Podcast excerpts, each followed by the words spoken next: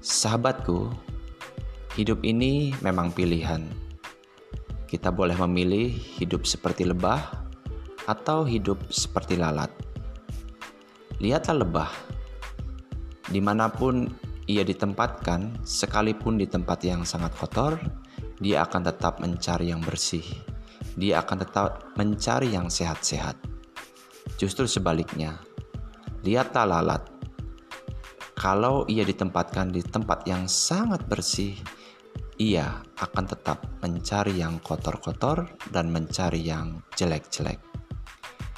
Sahabat semuanya, tinggal kita memilih ingin seperti lebah atau ingin seperti lalat.